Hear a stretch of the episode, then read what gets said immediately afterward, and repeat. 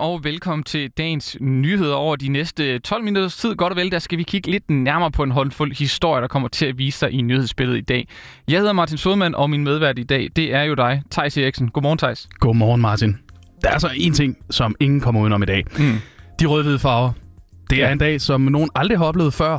Øh, det har jeg for eksempel ikke, og så er det altså også en oplevelse, nogen folk stadig husker. Det er nemlig dagen, hvor Danmark skal spille semifinal ved EM i fodbold. Det er ikke sket siden 92, og Martin, glæder du dig til, vi maler Wembley rød? Ja, fuldstændig afsindig meget. Altså, jeg blev født i 92 øh, på den forkerte side af slutrunden, kan man sige. men, øh, men, øh, men, men lad os da håbe, at det, det bliver sådan her folkefest, som, øh, som alle håber på.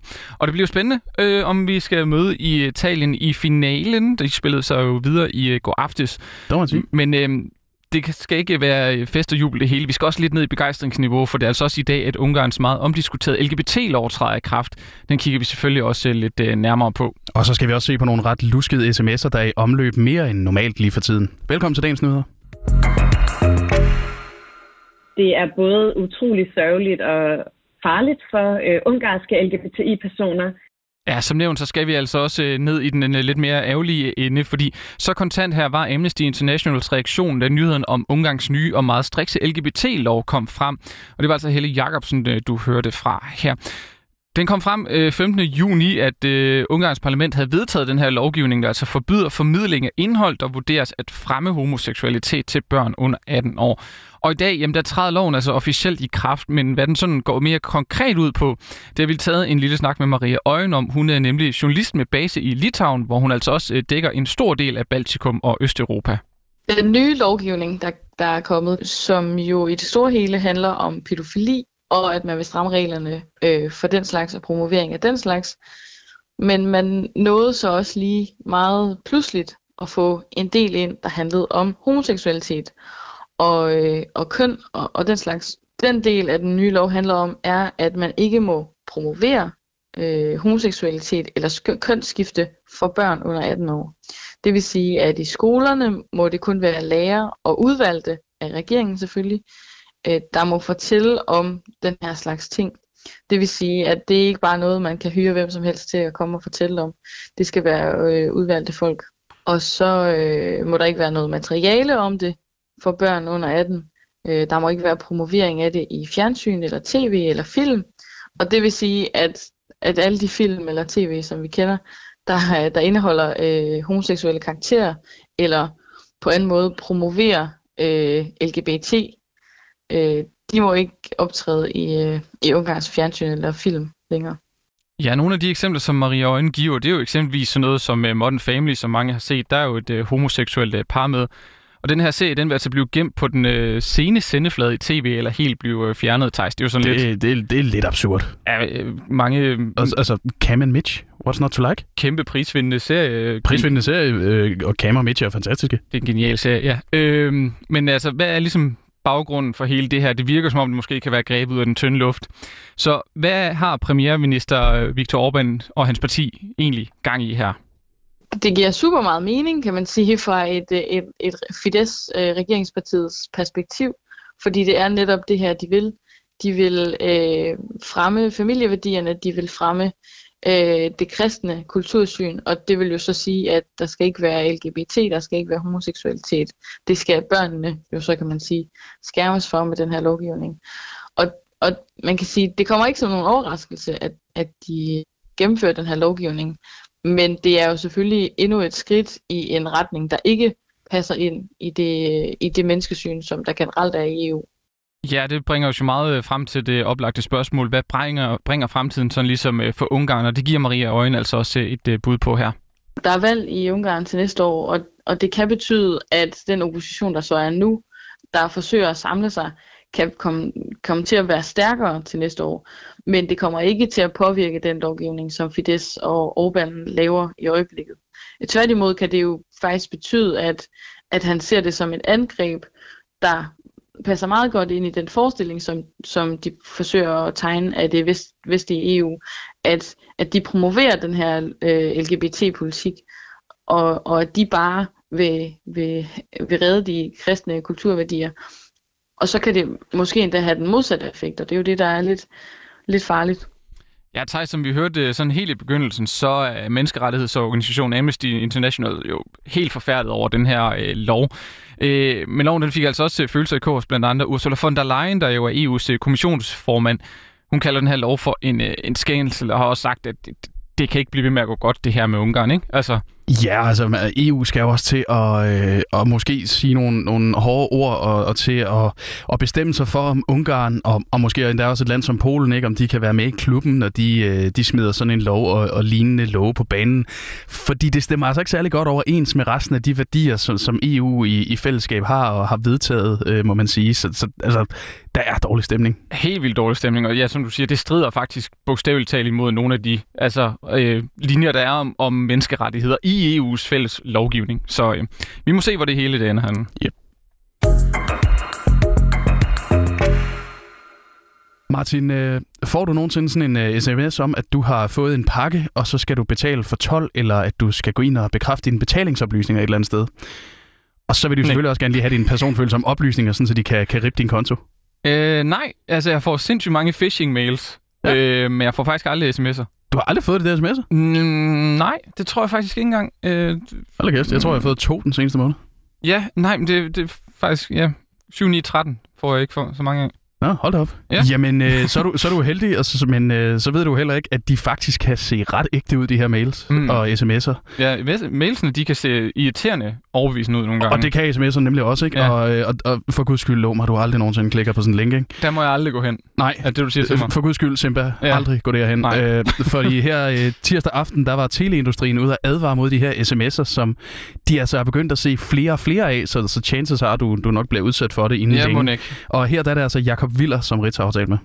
Det er, det er et angreb, som vi har, har kunnet følge gennem Europa øh, og, og har set har været, har været ret omfattende i mange andre lande, og den er altså nået til, til Danmark nu. Og man kan se en, teleselskaberne kan se en stigning i, øh, i angrebene på deres kunder, hvor der bliver sendt sms'er til dem, øh, hvor de bliver logget til at skulle downloade en app, som, øh, som kommer ned på deres telefon og kan styre trafik og få adgang til, til at kunne overvåge, øh, at de indtaster koder, eller hvad de laver på deres mobiltelefon. Så den kan også bruges til identitetsteori og, og kreditkortsvindel. Så det er, det er noget rigtig farligt bras.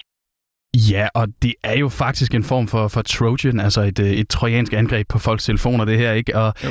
det er en lidt nyere form for svindel, men øh, altså, som sagt, den spreder sig altså rigtig hurtigt. Det har nået et omfang, hvor der er, øh, er flere hundrede tusind øh, sms'er, der bliver sendt afsted ud mod kunderne øh, hver eneste dag. Øh, og teleselskaberne de gør alt, hvad de kan for at, at, at forsvare deres, deres kunder. Men øh, svindlerne de ændrer hele tiden metoder, og man kan ikke fuldstændig afskærme øh, kunderne fra de her angreb. Så der slipper en masse igennem, nok også i tusindvis, øh, og det er også derfor, det er nødvendigt at gå ud og, og advare kunderne. Og hvis vi, øh, hvis vi lytter til, til teleindustrien, så er det altså ifølge dem både øh, Android-telefoner og iPhones, der bliver udsat for de her falske sms'er, så man, øh, man kan ikke sådan rigtig vide sig sikker. Nej, ja, man har jo ellers nogle gange som, ja. som iPhone-ejer været sådan lidt, eller som Apple-ejer været sådan lidt, nå ja, men øh, så er jeg mere sikker end andre. Øh, det er kæmpe skrønende, det der med, at uh, Mac og ja, iPhone ikke kan få views og sådan noget. Lige præcis, og, øh, og der bliver fishet øh, til den øh, store guldmedalje alle steder. Mm. Og øh, Jakob Willer her, der, der er kommunikationschef for, for teleindustrien, han opfordrer altså også til, at man ikke downloader apps øh, nogen som helst andre steder end i de officielle app stores. Giver mening. Ja, det, det giver jo super god mening også. Altså download ting fra øh, producenter øh, og så videre, og ikke alle mulige shady steder, så, ja. så man generelt godt kørende.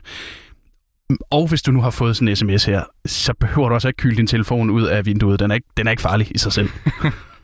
Får man de her sms'er, så skal man øh, slette den. Man skal lade være at klikke på linket. Man skal for alt i verden lade være at downloade øh, den her app.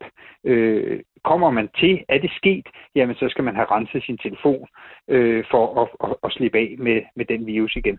Og telebranchen de er altså også i dialog med, med både Rigspolitiet og med Center for Cybersikkerhed omkring den spredning, de ser af de her falske sms'er.